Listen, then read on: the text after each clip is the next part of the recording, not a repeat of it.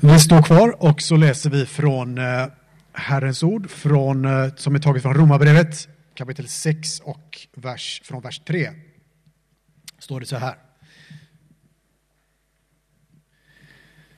Vad ska vi då säga? Ska vi bli kvar i synden så att nåden blir större? Verkligen inte. Vi som har dött bort från synden, hur ska vi kunna fortsätta leva i den? Eller vet ni inte att alla vi som är döpta till Kristus Jesus är döpta till hans död? Vi är begravda med honom. Dess att arbeta med samma jobb som dina föräldrar. Leva det nya livet, liksom Kristus är uppväckt från de döda genom Faderns härlighet. För om vi är förenade med honom i en död som hans, ska vi också vara det i en uppståndelse som hans. Vi vet att vår gamla människa har blivit korsfäst med Kristus för att syndens kropp ska berövas sin makt så att vi inte längre är slavar under synden. Den som är död är förklarad fri från synden. Har vi nu dött med Kristus tror vi att vi också ska leva med honom. Vi vet att Kristus är uppväckt från de döda och aldrig mer dör. Döden har ingen makt över honom längre. Hans död var en död från synden en gång för alla, men hans liv är ett liv för Gud.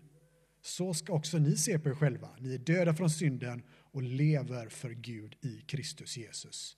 Synden ska därför inte regera er dödliga kropp så att ni lyder dess begär. Ställ, era, ställ inte era kroppar i syndens tjänst som redskap för orättfärdigheten utan ställ er i Guds tjänst. Ni som var döda men nu lever. Ställ era kroppar i Guds tjänst som redskap för rättfärdigheten. Synden ska inte längre vara herre över er, för ni står inte under lagen utan under nåden. Så lyder Herrens ord. Gud, vi tackar dig. Varsågoda och eh, sitt ner. Gott att eh, se er här. Jag tänkte på det här nu eh, när vi, innan vi läste dagens bibeltext, att det är något, det är något förunderligt med att fira gudstjänst. Därför att det mesta annat vi gör, det gör vi ju... Eh, ja, men det som sker är det som sker. Det som vi ser för våra ögon är det som sker. Men med gudstjänsten så är det så att det sker långt mycket mer än det vi ser. Som människor lever vi lätt i en, i en bubbla av att det är bara det vi ser som finns. Men Gud är bortom allting vi ser. Han är i det som vi ser och i det som sker. Men han är också bortom allting. Det sker en mängd med saker som vi inte ser. Och så är det också i en gudstjänst, därför att Gud, den osynlig, osynlige, han blir synlig genom, genom sitt ord, genom olika saker i gudstjänsten. Men det sker också saker på vår insida där Gud verkar. Så när vi lovsjunger och tillber, det är en härlig stund, vi sjunger sånger och lite mysigt, men det är något annat än allsång. Det är en stund i gemenskap med Gud. Det står att himlens änglar de tillber inför hans tron dygnet runt. Så när vi lovsjunger så förenas vi i denna lovsången. När vi läser hans ord och när vi lyssnar till predikan så är det mer än att vi bara läser en bok och jag står här fram och pratar. Gud verkar genom sitt ord. Bibeln talar om att Kristus är närvarande genom sitt ord. Så att när jag idag predikar så är det inte så viktigt att just jag här så predikar, utan det är att Kristus verkar genom predikan för att uppenbara sig själv för dig och mig. Det var inte alls det jag skulle prata om, men jag ville börja, börja dagens predikan med dessa tankar. Herre, jag tackar dig för att vi får samlas till gudstjänst den här söndagen. Herre. Tack Herre att du är mitt ibland oss, Herre. Tack att du vill göra ditt ord levande för oss.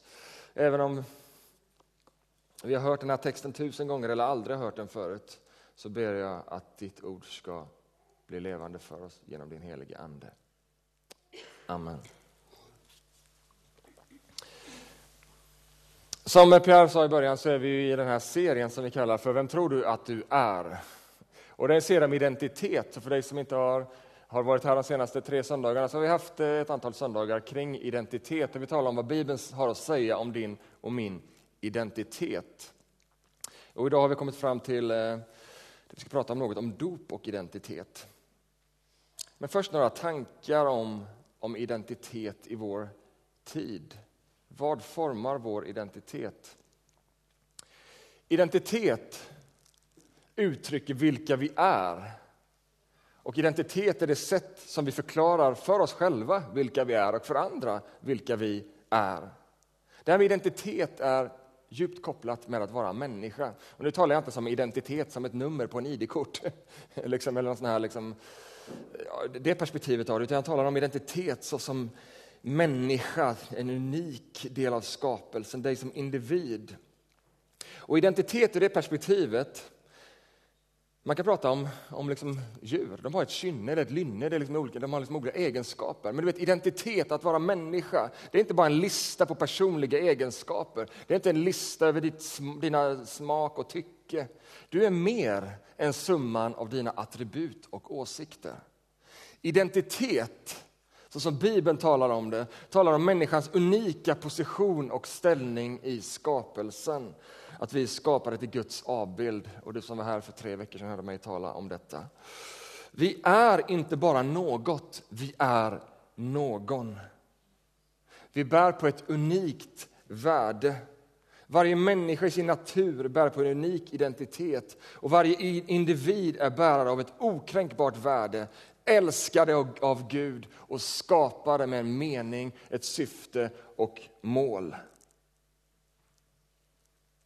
Men samtidigt så lever vi i en tid, i en samtid där man har förändrat innebörden av identitet till att vara någonting som vi skapar. Det finns en känd låt nu som går på radion som handlar om att jag har ännu inte bestämt mig om vem jag ska vara. Det är lite som att identiteten är någonting vi ska bestämma vad vi ska vara. Vi ska plocka ihop olika pusselbitar, vi ska bli någonting. En forskare som forskar just på vår samtid, Alan Noble, han beskriver den tid vi lever i och många med honom. Han beskriver det som en tid av förytligad identitet. En identitet, på vad han kallar för, en identitet som bygger på vad han kallar för tunna övertygelser. Thin convictions. Tunna övertygelser, vad betyder det? Jag tror du har märkt det, men vi lever i en, i en föränderlig tid. Saker går snabbare och snabbare. Informationsflödet ökar för varje dag. Och man skulle kunna tro att vi i och med detta blir smartare och smartare och mer intelligenta och mer reflekterade. Men vad som händer är att det är så mycket information som passerar mellan våra två öron. Det är så mycket som liksom bara kommer hela tiden, så vi har inte tid och ork att processa all denna informationen. Utan det är massor, vi bara liksom hela tiden matas med olika idéer, ståndpunkter och allting skriker att det är lika viktigt. Det är liksom lika viktigt vilket schampo du använder som att människor dör i Somalia just nu. Det, är liksom bara, det bara matas med information i vår tid. Och man skulle kunna tro att vi blir så upplysta. Nej, vi orkar inte med. Vi mäktar inte att processa all denna information. Så vad som händer det är att vi tar till oss åsikter åt höger och vänster, tar till oss ståndpunkter åt höger och vänster som passar oss i stunden. Men vi har inte tid att djupare reflektera över dess innebörd. Vi tar till oss ståndpunkter. Ja, jag står för det här nu. Ja, men igår tyckte du det här. Ja, men nu står jag för det här. Vi har inte reflekter, hunnit reflektera igenom allting, för det är ett sånt flöde av saker som pockar på vår uppmärksamhet. Tunna övertygelser är vad Allen Noble kallar detta. Det innebär att vi byter åsikter och ståndpunkter snabbare än vad människor i någon annan tid har gjort. Hur vi tror om saker, vad vi värderar och hur vi tolkar världen baseras på mindre och mindre genomtänkta val. Istället så väljer vi bort saker och lägger till övertygelser och ståndpunkter i linje med hur vi vill skapa vår identitet. Hur vi vill uttrycka oss inför oss själva och andra. Vi ser en annons på Facebookflödet om anti-trafficking. Ja, men det är bra, det tar jag till mig. Det här är en del av mig, ja, det står jag upp för. Sen kommer det något om utrotningshotade isbjörnar. Ja, men det är ju jättebra. Det här är liksom, vi köper en tröja liksom, och så är det en isbjörn på. Och så, alltså, det är bara hela tiden. Och sen är det något klädmärke. Men det här uttrycker ju vem jag vill vara. Och så pusslar vi ihop vilka vi vill vara och den bild vi vill förmedla förmedla av oss själva. Ett knippe av tunna övertygelser. Det må vara bra saker, men det är så mycket saker så vi vill liksom, och det handlar kanske mer om hur vi vill uttrycka oss själva än att det verkligen är vilka vi är. Och när jag tänker på det här så tänker jag att risken är att vi blir människor med väldigt mycket åsikter och ståndpunkter men väldigt lite action och konsekvenser i våra liv.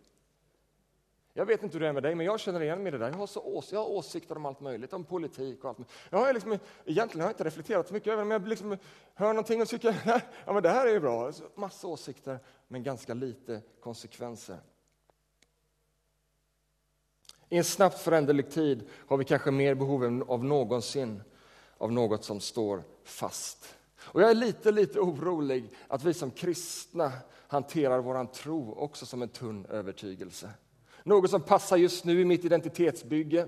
Det passar in i den här sociala kontexten som är just nu, men när jag byter jobb eller kanske någon annanstans, men då, nu, liksom det, nu börjar jag tvivla. Och, nej, jag byter ut det här mot någonting annat. Det är en risk att vår kristna tro blir någonting vi har massor åsikter om, men ganska lite konsekvens i våra liv. Dagens text utmanar på ett fantastiskt sätt de här tankarna, hur vi ser på livet och på identitet. Vers 4 som Pierre läste, vi är begravda med Jesus genom dopet till döden för att leva det nya livet. Det kristna livet är inte ett knippe av åsikter, det är ett nytt liv. Ett helt nytt liv. Att leva på ett nytt sätt i världen. Vi har dött bort från ett gammalt liv och lever nu det nya livet. Som kristna ikläder vi oss en helt ny identitet som inte förändras i takt med att vårt Facebookflöde uppdateras utan som står fast. Ett nytt liv. Och där står dopet, det kristna dopet som ett tecken på nytt liv och en ny identitet. Och Det här var en alldeles för lång inledning. Men det blir bra. Du har inte bråttom, eller hur? I dagens text, i Romarbrevet 6, så undervisar Paulus om vår identitet som kristna, hur vi ska se på oss själva. Och Paulus, när han ska göra detta, så utgår han från dopet som en central tanke för den kristna identiteten. Kanske inte har tänkt på det, liksom dop och identitet. Men Paulus, när han ska förklara vår identitet, så talar han om dopet. Och vad är dopet? Det finns ju självklart jättemånga aspekter av det kristna dopet. Men centralt med dopet, det är att det är en handling där vi bejakar vår tro och vi bekräftar vår tillhörighet med Kristus. Vi bejakar vår tro och vi bekräftar vår tillhörighet med Kristus. Vi bejakar att vi genom tron tagit emot syndernas förlåtelse och ett nytt liv. Och vi bekräftar och vi bekräftade att vi tillhör Kristus. När Jesus döps av Johannes döparen i floden Jordan, eller Jordan, Jordan så heter den, va? så hörs en röst från himlen. Detta är min älskade son i vilken jag har mitt behag. Sonen blir i dopet bekräftad av Fadern. Dopet bekräftar oss som Guds barn, att vi tillhör honom. Vår identitet i dopet är att vi tillhör, att vi hör ihop med Jesus. Och ni som var här förra veckan, ni hörde Joel tala om att vår identitet som kristna är att vi är i Kristus. Och det är väldigt mycket samma koncept. Det finns kanske inget annat än just dopet som symboliserar det här på ett sånt tydligt sätt. I Kristus, omslutna av dopets vatten. I Kristus. Och vi återgår till texten från Romarbrevet 3. Eller vet ni inte, eh, Romarbrevet 6. Eller vet ni inte att alla vi som är döpta till Kristus Jesus är döpta till hans död? Vi är begravda med honom genom dopet till döden för att leva det nya livet. Liksom Kristus är uppväckt från de döda genom Faderns härlighet. För om vi är förenade med honom i en död som hans, så ska vi också vara det i en uppståndelse som hans. Paulus använder bilden av en begravning för att förklara dopet. En symbolik som förkunnar en djupare verklighet. I dopet förenas vi med honom i en död som hans. Begravningen är ju liksom, man är död i en död som hans, men också i en uppståndelse som hans. Och Det är den andliga verklighet som dopet förmedlar. Det är inte det att du rent fysiskt, när du kommer till tro på Jesus och låter döpa att du dör liksom rent fysiskt. Men den andliga verkligheten som sker. Kristi seger på korset var ställföreträdande. Alltså han gick in i vårt ställe. Han dog för oss med vår synd och uppstod för oss i sin rättfärdighet. Och vi alla är ju befläckade av synden. Jag vet inte om det är ett koncept man pratar så mycket om i samhället, men vi i kyrkan pratar om det. Därför att vi ser synden överallt. Vi ser hur den, dess fula ansikte liksom bara gör sig synlig överallt. Det är girighet, det är krig, det är våld, det är allt möjligt skit som händer. Så vi är alla på något sätt korrumperade av syndens makt. Men i dopets vatten, säger Paulus i texten, så begravs vår syndiga människa och vi uppstår förenade med Kristus, iklädda Kristus och hans rättfärdighet. Det är den andliga verkligheten som sker. Paulus säger det på samma sätt i Galaterbrevet 3. Alla är ni Guds barn genom tron på Jesus Kristus. Alla ni som har blivit döpta till Kristus har iklätt er Kristus. Vi har alltså avklätt oss vår syndiga natur och iklätt oss Kristus. Tron är det som gör oss till Guds barn, det är inte dopet. Alla är ni Guds barn genom tron på Kristus. Men sen kommer dopet som en naturlig konsekvens. Dopet bekräftar den verklighet som har skett på insidan. Är jag inte frälst om jag inte är döpt? Är jag inte kristen om jag inte är döpt? Jo, men dopet är ett naturligt steg efter du har kommit till tro. I Nya testamentet så sker dopet direkt efter att någon kommit till tro. Därför att ibland så talar liksom Nya testamentet simultant om dopet och frälsningen. Det är för att det är så tätt kopplat, man kommer till tro och blir döpt. Men om det är så att du inte är döpt, men du har varit kristen jättelänge, det är aldrig för sent att låta döpa sig. Det är inte så att det måste ske direkt efter. Det är aldrig för sent att låta döpa sig. Jag vet min far han har varit pastor hela sitt liv och han har fått vara med och döpa pensionärer. Det har liksom aldrig blivit av och det är en väldigt vacker sak att vara, nej men jag vill följa Kristus ner i dopets vatten.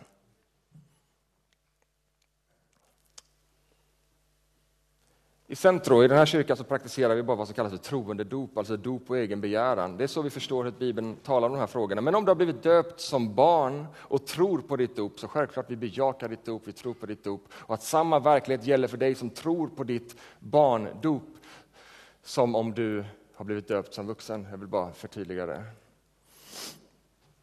Dopet etablerar dig i din identitet som Guds barn och det är en orubblig identitet.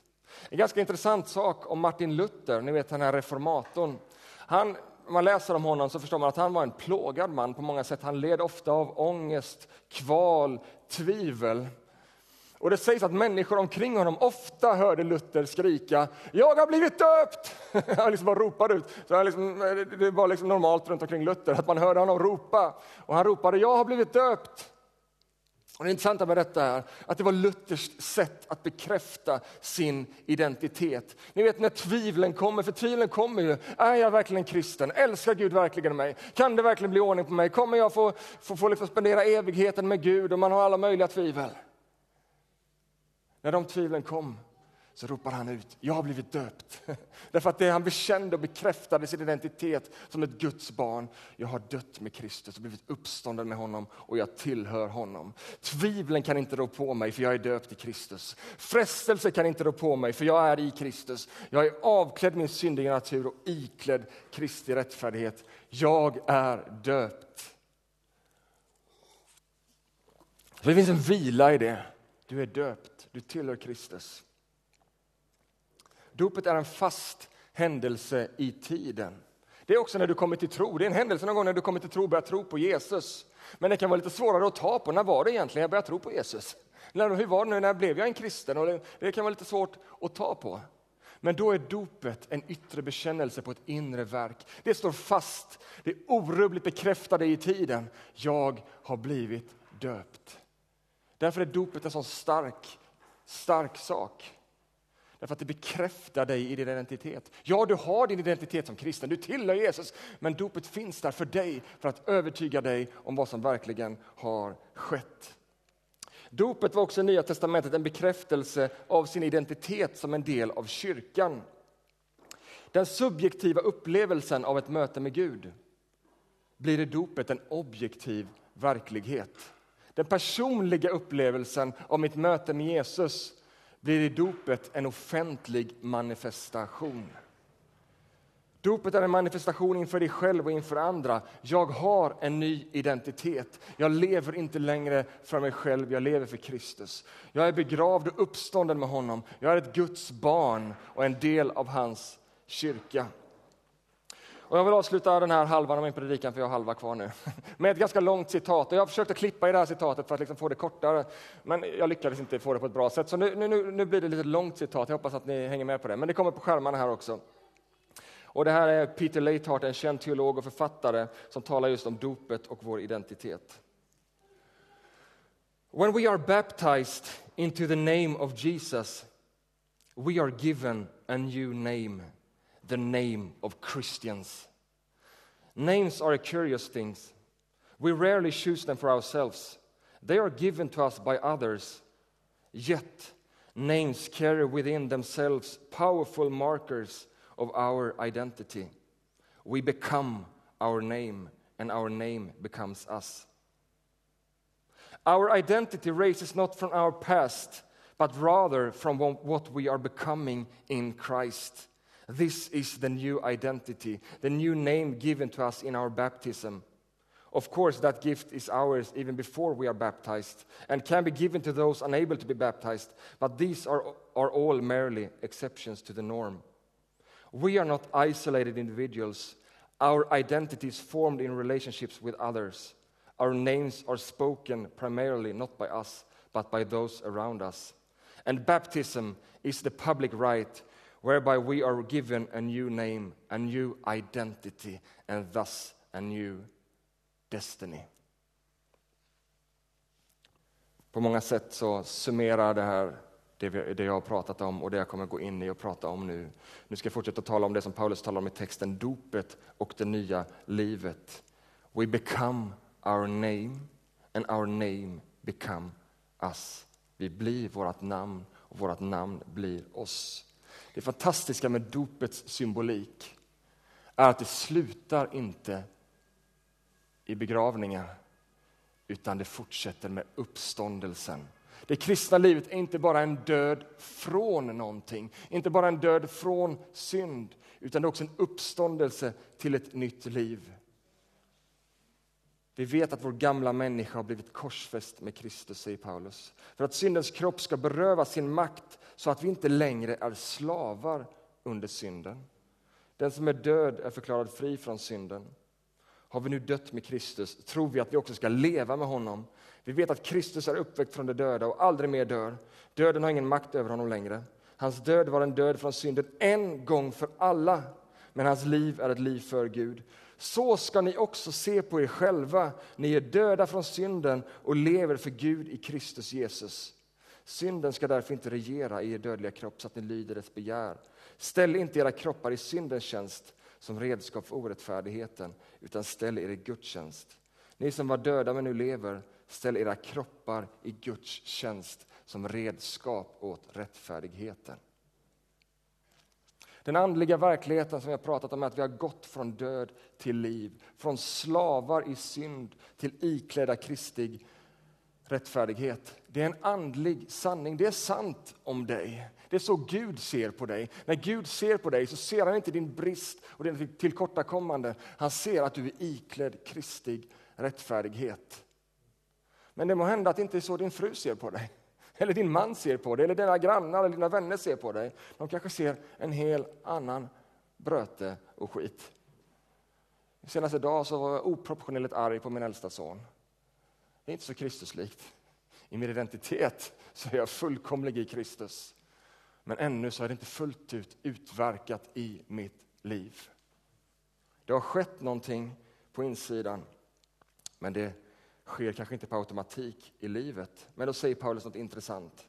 En slavherre har bara makt över, oss till, makt över sin slav tills dess att den dör. Då blir slaven fri.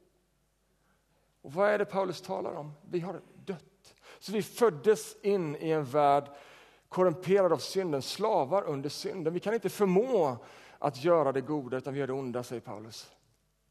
Men vi har dött.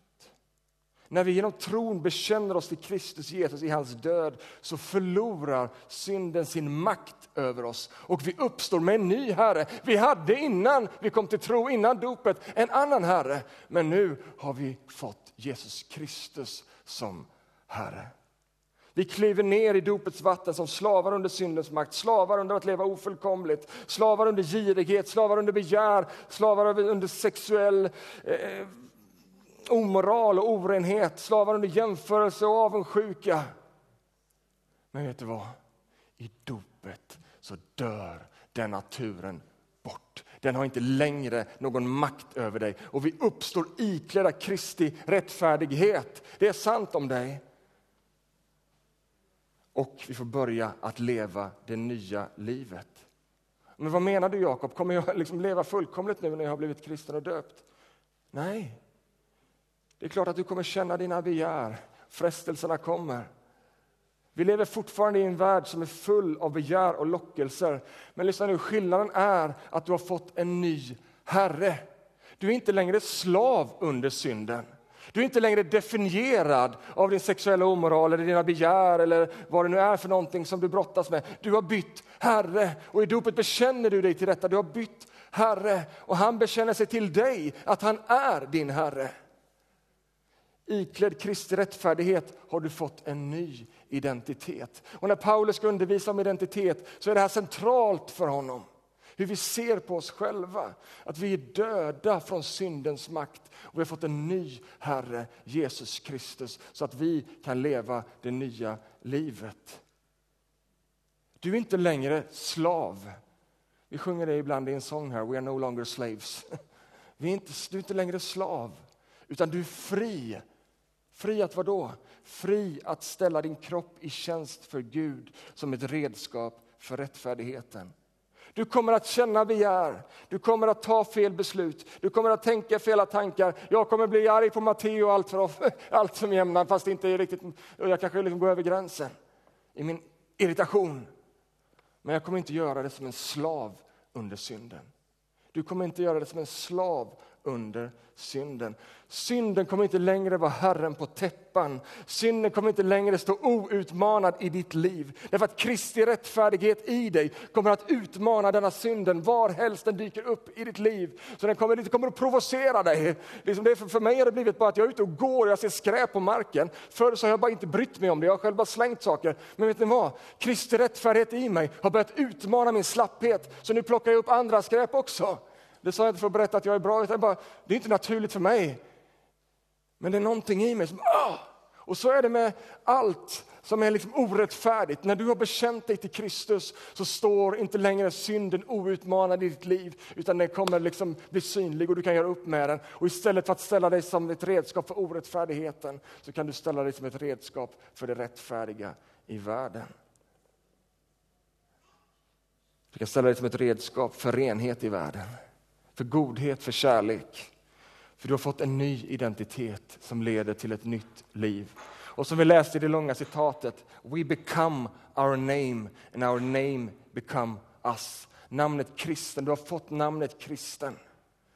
Vi blir vårt namn och vårt, blir, vårt namn blir oss. Du har namnet, men det är också en process, en identitetsprocess av att det ska få utarbetas i ditt och mitt liv. En process som pågår dagarna vi faller, dagarna vi tvivlar.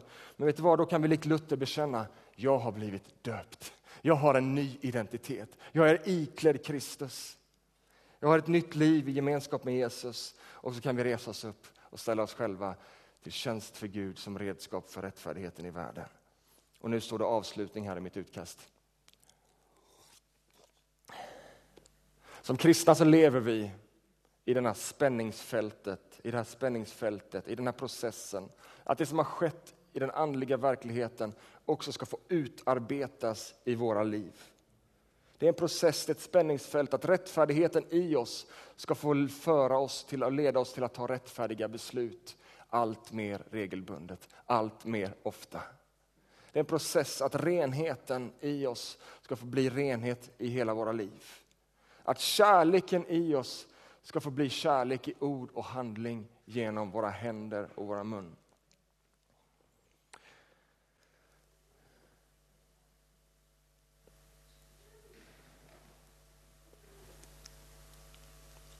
C.S. Lewis, känd författare för vissa, han har sagt så här att every time you make a choice you are turning the central part of you, the part of you that chooses, into something a little different from what it was before. Varje gång vi tar ett beslut i linje med den nya människan som har uppstått med Kristus så vrids någonting till rätta här inne. Varje beslut vi tar av att visa godhet, att tala kärlek, renhet, att stå upp för det som är rätt, så vrids någonting till rätta. Och vi ställer liksom vår hela människa i linje med vår sanna identitet. Vi blir vårt namn och vårt namn blir oss. Det börjar i insikten om att vi har fått ett nytt namn. Insikten om vår nya identitet. Ett nytt liv, dopets verklighet. Min vän, du behöver inte jaga efter pusselbitarna för att förverkliga dig själv. Din identitet är inte någonting som du ska, jag har inte ännu bestämt mig vem jag ska vara, eller jag ska försöka, jag ska utarbeta, jag ska se vem jag vill vara idag. Du behöver inte jaga efter pusselbitarna för att förverkliga dig själv. Inte heller som kristen är du en hemlös pusselbit på jakt efter sammanhang och mening. I Kristus har du hittat hem, funnit din plats. Platsen där du får blomstra. Platsen där du kan få bli allt det som Gud har lagt ner i dig. Att bli kristna är inte det att du inte kan liksom få finna fullheten av liv. Det är just som kristen du finner fullheten av liv. Det är där du kan blomstra. Det är där du kan förverkliga dig själv i ordets rätta bemärkelse. Inte som en jakt där du själv ska liksom bli, bli liksom Gud över ditt liv och liksom säga jag vill vara sån här, jag ska vara sån här. Du vet, det här blir bara en jakt. Det blir bara ett sökande efter vind. Men i Kristus, där får vi hitta hem och blomstra. Du är skapad för gemenskap med honom. Du har fått ett nytt namn. Du är en kristen. Du tillhör honom. Och identitet, din identitet är inte summan av det som ligger bakom. Tack gode Gud. Tänk om identitet hade varit allt det som ligger bakom mitt, mitt liv. Jag hade sprungit ut på en gång. Gömt mig någonstans. Min identitet är inte summan av mina lyckande, misslyckande, mina attribut, kunskaper och erfarenheter. Vår identitet är den vi är i Kristus Jesus, iklädda hans fullhet. Och Det är också en identitet som håller på att utarbetas i våra liv. Så, säger Paulus i vers 11, så ska också ni se på er själva. Ni är döda från synden och lever för Gud i Jesus Kristus. Vilken är din, din identitet? Ja, Paulus säger det rakt upp och ner. Så ska ni se på er själva. Ni är döda från synden och lever för Gud i Kristus Jesus. Vi finner oss själva i honom. Vi finner mening, syfte och livets fullhet i Guds tanke, i den identitet som han har iklätt oss i Kristus. Du är död från synden och fri att leva för rättfärdigheten. Amen. Herre, jag tackar dig för ditt ord, här. Jag ber att